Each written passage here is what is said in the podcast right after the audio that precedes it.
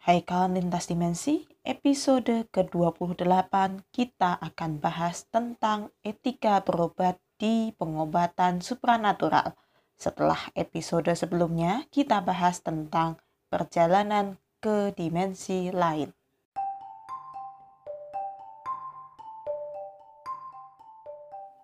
Kita sudah pernah bahas ya kawan lintas dimensi bahwa ada tiga metode pengobatan supranatural di episode kelima. Jadi kawan lintas dimensi yang ingin mendengarkan kembali tentang tiga metode pengobatan itu, silahkan ya dengarkan kembali di episode kelima. Nah, kali ini saya akan jabarkan lagi bagaimana etika berobat di pengobatan supranatural. Ya sama ya, seperti kita datang ke dokter itu kan ada etikanya. Bagaimana sih supaya kita bisa menemui si ahli pengobatan itu. Siapa pun itu orangnya mau dokter mau sensei maupun orang yang ahli di pengobatan supranatural. Selama ini orang hanya paham jenis pengobatan supranatural itu tadi ya. Hasilnya cepat alias magic lah gitu ya. Jadi kalau bisa kan langsung sembuh gitu. Padahal enggak loh. Sebetulnya ya ini kan ada tahapannya dan namanya tahapan artinya ya ada waktunya jadi tidak cespleng kata orang begitu sama seperti kita berobat ke dokter ketika selesai diperiksa kan dokter pasti akan memberikan resep, memberikan obat. Nah, setelah kita minum obat pun juga ada prosesnya dari yang eh, perbaikan ya dari tahap pertama, kemudian tahap berikutnya sampai dengan kita benar-benar sembuh total. Nah, supaya kita nggak lama ya, kita langsung masuk ke pembahasannya saja nih.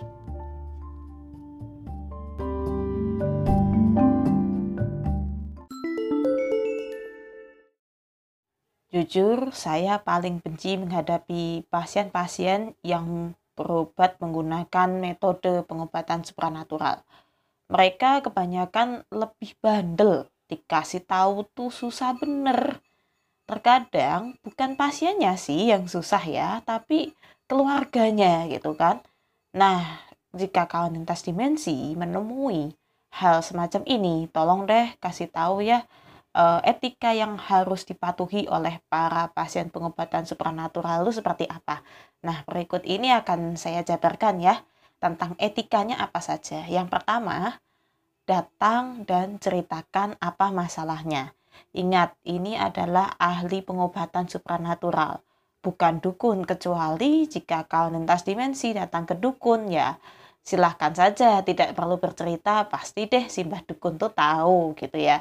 Tetapi kalau kita sebagai layaknya manusia ya, datang cerita dong keluhannya apa, kenapa kita datang ke sini, sekalipun dia sudah tahu ya sudah begitu. Tetapi kan kita harus ceritakan dulu secara rinci apa yang terjadi dan kenapa kok akhirnya sampai ke sini begitu. Kalaupun panjang ya nggak usah terlalu mendetail sih inti-intinya saja dan dia pun pasti akan paham kok tentang maksud kedatangan kita ke sana ya.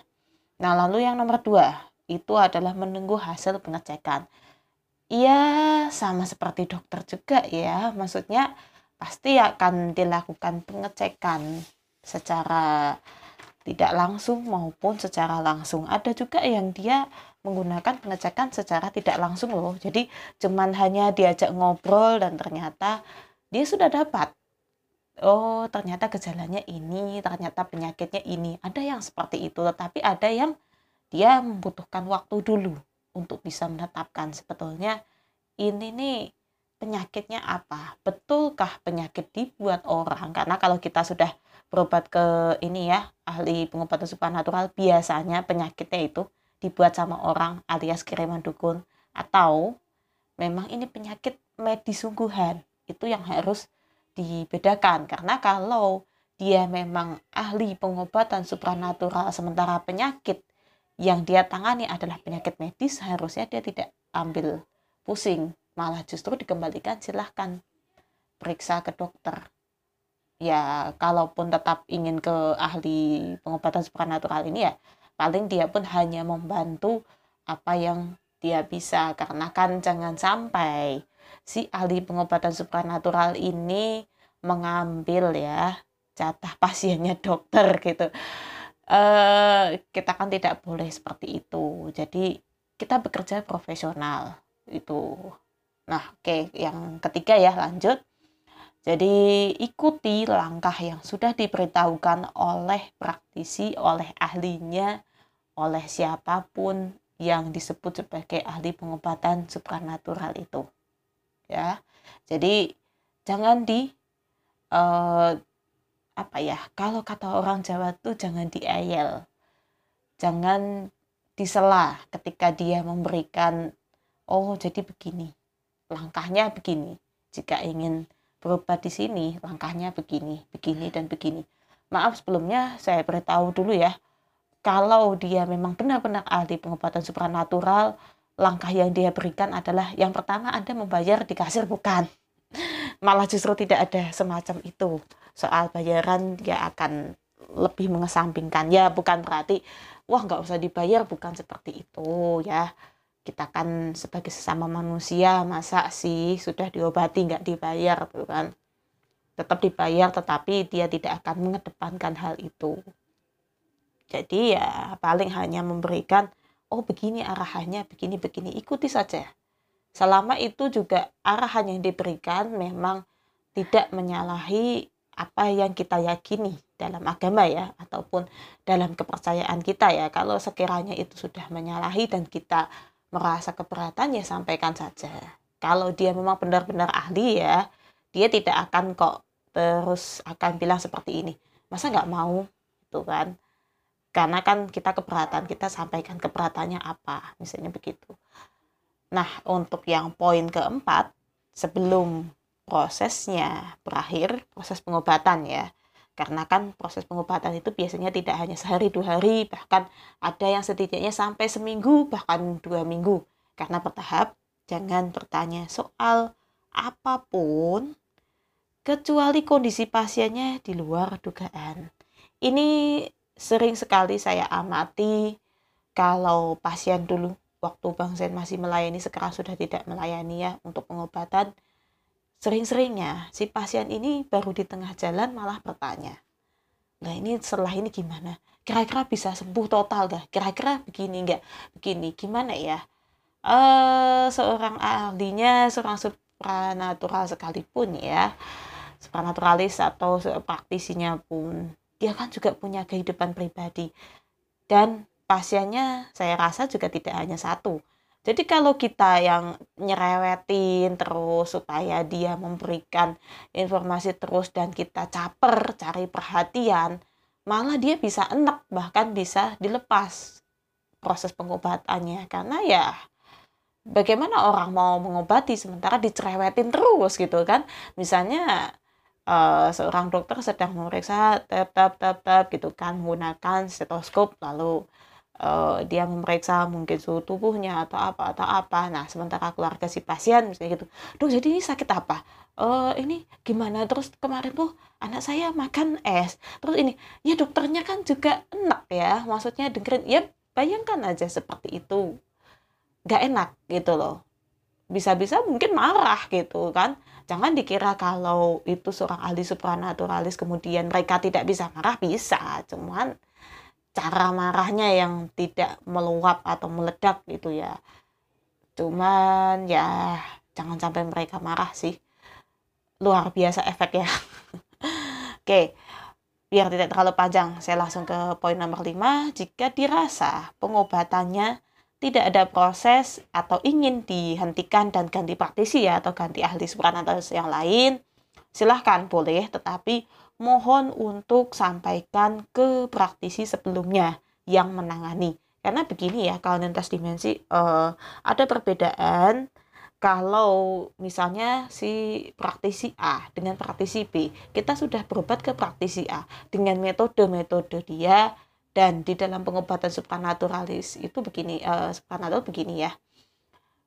Ini pasien atas nama ini sedang saya tangani itu ada sign atau ada tanda secara gaib. Jadi ada kodenya itu. Ketika si keluarga merasa, waduh, kok belum ada progres yang bagus ya gitu. Kemudian keluarganya tidak sabar dan memindahkan pengobatannya ke si ahli supranaturalis yang B ataupun praktisi yang B ketika dia melihat si pasien ini ada sign, ada tanda ya bahwa si pasien ini masih dalam penanganan praktisi atau ahli supranaturalis yang A, maka si B ini biasanya menolak. Dia akan minta ibu atau bapak atau kakak, kakek, siapa pun itu keluarganya, tolong diputus dulu. Katakan kepada si ahlinya yang praktisi yang A ini bahwa saya ingin berhenti berobat di Anda. Itu tidak akan menyinggung orangnya, malah justru dia akan menerima kok. Kalau dia marah ya tanda tanya ya. Jangan-jangan dia cuma mau uangnya aja itu kalau yang abal-abal ya. Tetapi kalau dia yang asli, ketika dikatakan seperti itu kan meminta izin gitu atau bahasa halusnya ini bisa disampaikan saja misalnya ingin memutus e, maaf kami istirahat dulu tidak perlu mengobati ibu lagi misalnya ya pasiennya ibu ibu atau tidak perlu mengobati bapak lagi oh ya baik dan si praktisi atau si ahli supranaturalis yang A ini tentu akan melepas sign atau tanda itu jadi si pasien ini sudah tidak dalam penanganan itu. Itu akan terbaca oleh ahli yang lain, oleh praktisi yang lain. Itu bisa dan itu sering terjadi oleh Bang Zen juga. Makanya ketika dulu saat hendak menangani pasien ya, dia akan melihat dulu. Oh, rupanya pasien ini masih dalam penanganan dukun yang onoh gitu. Kalau dia tahu, dia akan beritahu ke keluarganya, tolong diputus dulu. Kalau kalau memungkinkan ya. Atau cukup dukunnya ditelepon saja misalnya jauh ya luar kota luar provinsi gitu. Jauh bisa ditelepon silahkan ditelepon saja minta dihentikan karena akan uh, tidak perlu mengakui sih sebetulnya sih mau diobati di tempat lain. Intinya diputus saja gitu kan atau istirahat dulu. Maka kalau sudah pengobatan itu akan berpindah ke praktisi yang baru gitu. Nah, itu tadi adalah rangkuman etika dalam pengobatan supranatural ya. Dan setelah ini akan saya jabarkan lagi kenapa kok harus menggunakan etika seperti itu. Oh ya, nanti ada contohnya juga, contoh dari peristiwa kisah nyata dan nama akan saya samarkan saja nama dan tempat karena akan tidak enak ya jika seandainya satu saat keluarganya mendengarkan podcast ini.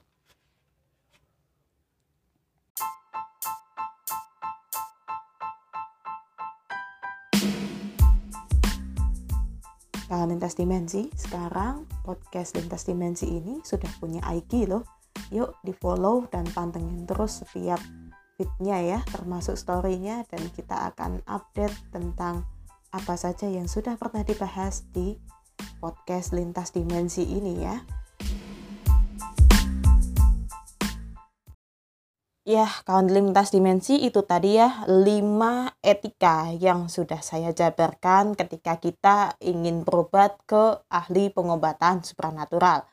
Ini ada bonusnya nih ya untuk di terakhir sebelum saya tutup podcast ini cerita tentang uh, seseorang ya atau mungkin bisa dibilang keluarganya juga ya yang gagal dalam pengobatan supranatural ini dan ya memang pasiennya sudah meninggal cukup lama.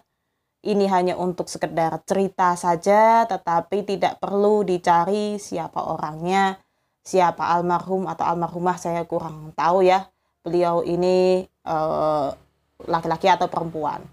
Jadi ini ceritanya dulu ketika Bang Zain masih membuka uh, pengobatan untuk supranatural tetapi memang tidak memasang pelang ya. Jadi hanya orang-orang yang kenal saja yang berobat ke sana. Nah, di antara orang-orang yang berobat ini ada satu cerita ini kalau lintas dimensi yang menarik dan menjadi pelajaran bagi kita semua bahwa orang ini sebetulnya memang sakit ada penyakit medisnya juga dan ada penyakit mungkin kiriman ya saya kurang tahu kiriman atau dia terkena sesuatu karena Bang Zen sendiri tidak cerita awal mula pastinya tetapi penyakit medisnya ada di sini.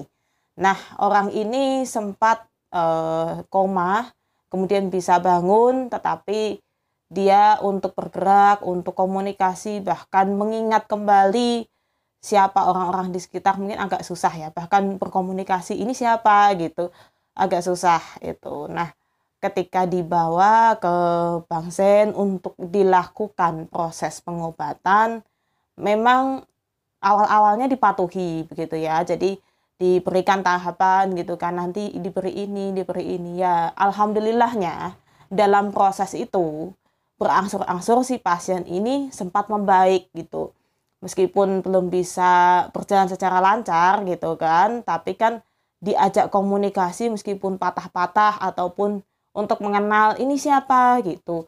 Sudah bisa gitu. Tetapi sayangnya ya ini yang perlu disayangkan. Di pertengahan jalan keluarga si pasien ini bertemu dengan masih saudara dia cuman jauh. Si saudara ini mungkin uh, bagi si pasien ya sudah sebutannya om ya. Jadi si omnya ini bilang sama si keluarga pasien kenapa nggak dibawa ke dukun anu? Gitu dukun anu itu tinggalnya di balik gunung apa gitu kan. Namanya lupa ya nama gunungnya apa tapi ada disebut zaman dia. Awalnya keluarga memang agak bingung. Ya karena kan mereka tahu masih dalam proses pengobatan penanganan Bang Zen itu sendiri gitu. Dan lagi pula kan keluarga ini juga dapat info soal Bang Zen kan dari ya masih keluarga dia cuman juga tidak terlalu dekat. Tapi akhirnya mereka tergoda juga. Karena dengan alasan si omnya yang barusan datang ini bilang oh lebih tokcer loh lebih cepat sembuhnya lebih ini ini ini ini gitu. Lah ya kayak orang sales promosi gitu ya. Karena tergiur dengan hal-hal semacam itu akhirnya keluarga pun memutuskan untuk ya sudah membawa pasien ini yuk ke dukun si Anu. Tapi memang si orang yang mengenalkan sama si Bang Sen itu juga sempat bilang loh ini kan masih penanganan teman saya Bang Zen kenapa kok malah dibawa ke dukun itu gitu kan Alasan keluarganya adalah kami punya hak, kami punya uh, kewenangan untuk membawa ke siapa si pasien ini berobat begitu ya. Ya, bagaimana? Karena kan memang bukan keluarga inti, dia juga sudah berusaha untuk membantu membawakan pasien ini kan ke Bang Zen ya. Ya sudah itu. Dan tiba-tiba itu kan di satu waktu si orang yang membawa pasien ini ke Bang Sen datang ke rumah Bang Sen saat itu ya. Kemudian tiba-tiba juga ya seperti biasa dia membawa gula, kopi atau apa pun itu kan. E, Bang Sen sendiri bertanya ini untuk apa? Itu ya ini diterima aja karena kan ini untuk e, pasien ini sebagai rasa terima kasih Bang Sen tidak mau karena oh ini tunggu dulu ini buat apa dulu gitu kan Lalu si orang ini pun juga minta, bang tolong bang diobati lagi si pasien yang pernah dia bawa. Bang Zen itu sudah tahu sebetulnya bahwa pasien ini sudah pernah dibawa oleh keluarganya ke dukun lain.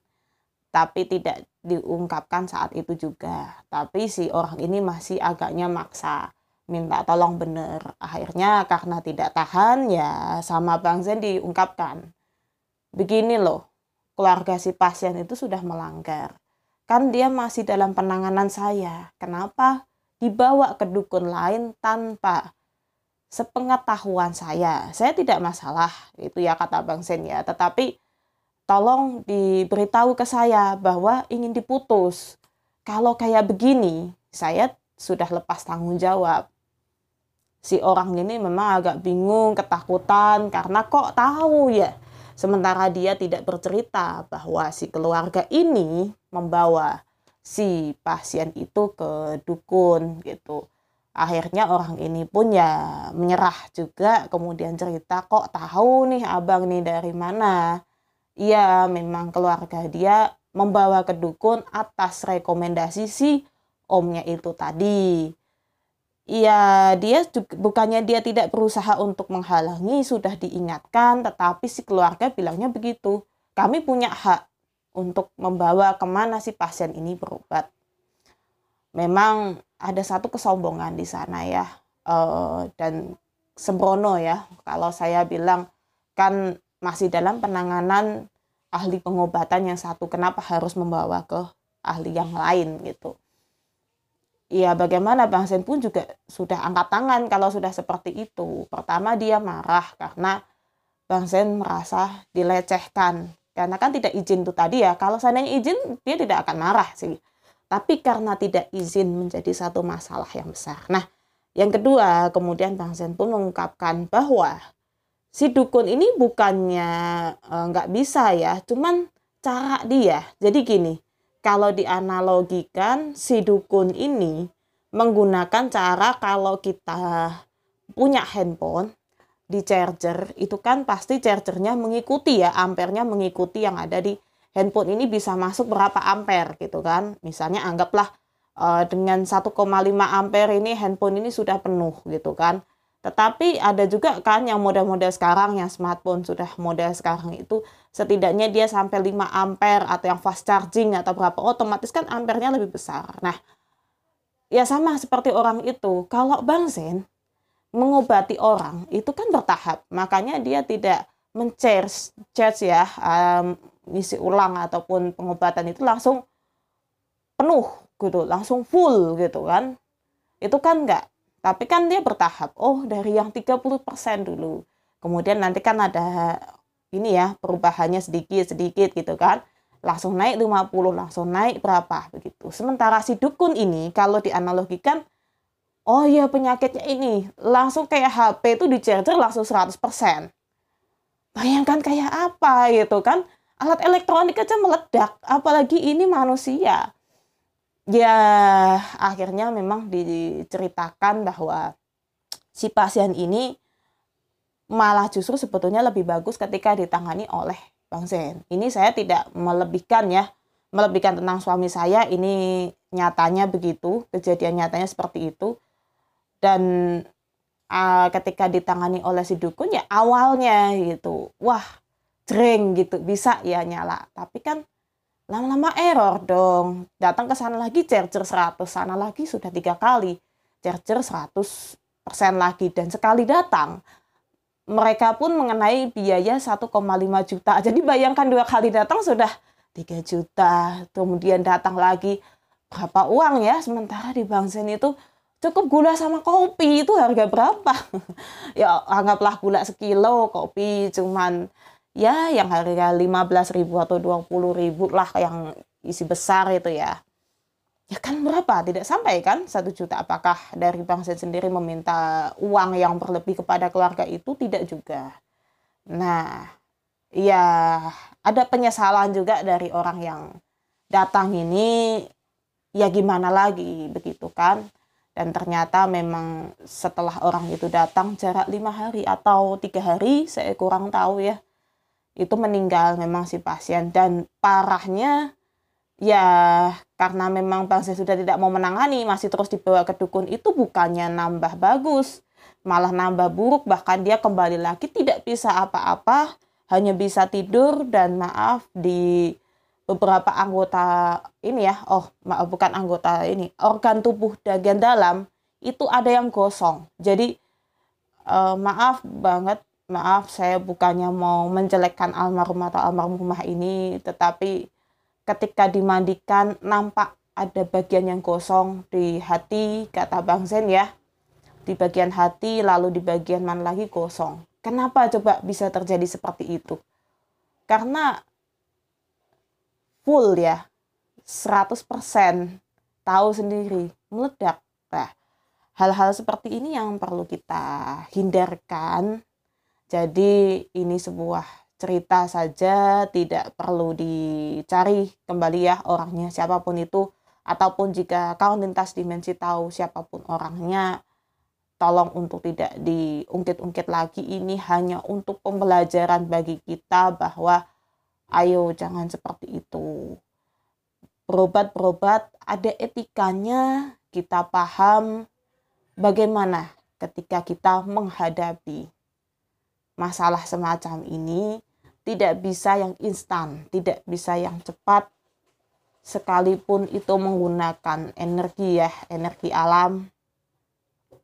maupun memang seperti Bang Zen sendiri diberi kelebihan ya tidak bisa harus cepat gitu toh dokter pun juga mengobati kan dia ada prosesnya sama itu tidak langsung tiba-tiba besoknya dia sembuh gitu ya kaum lintas dimensi semoga cerita ini menjadi pembelajaran paling berharga bagi kita untuk berhati-hati kalau kita sudah berobat. Itu bukan hanya ke ahli supranatural saja ya, tetapi ke dokter pun ataupun ke ahli pengobatan yang herbal pun juga jangan seperti itu.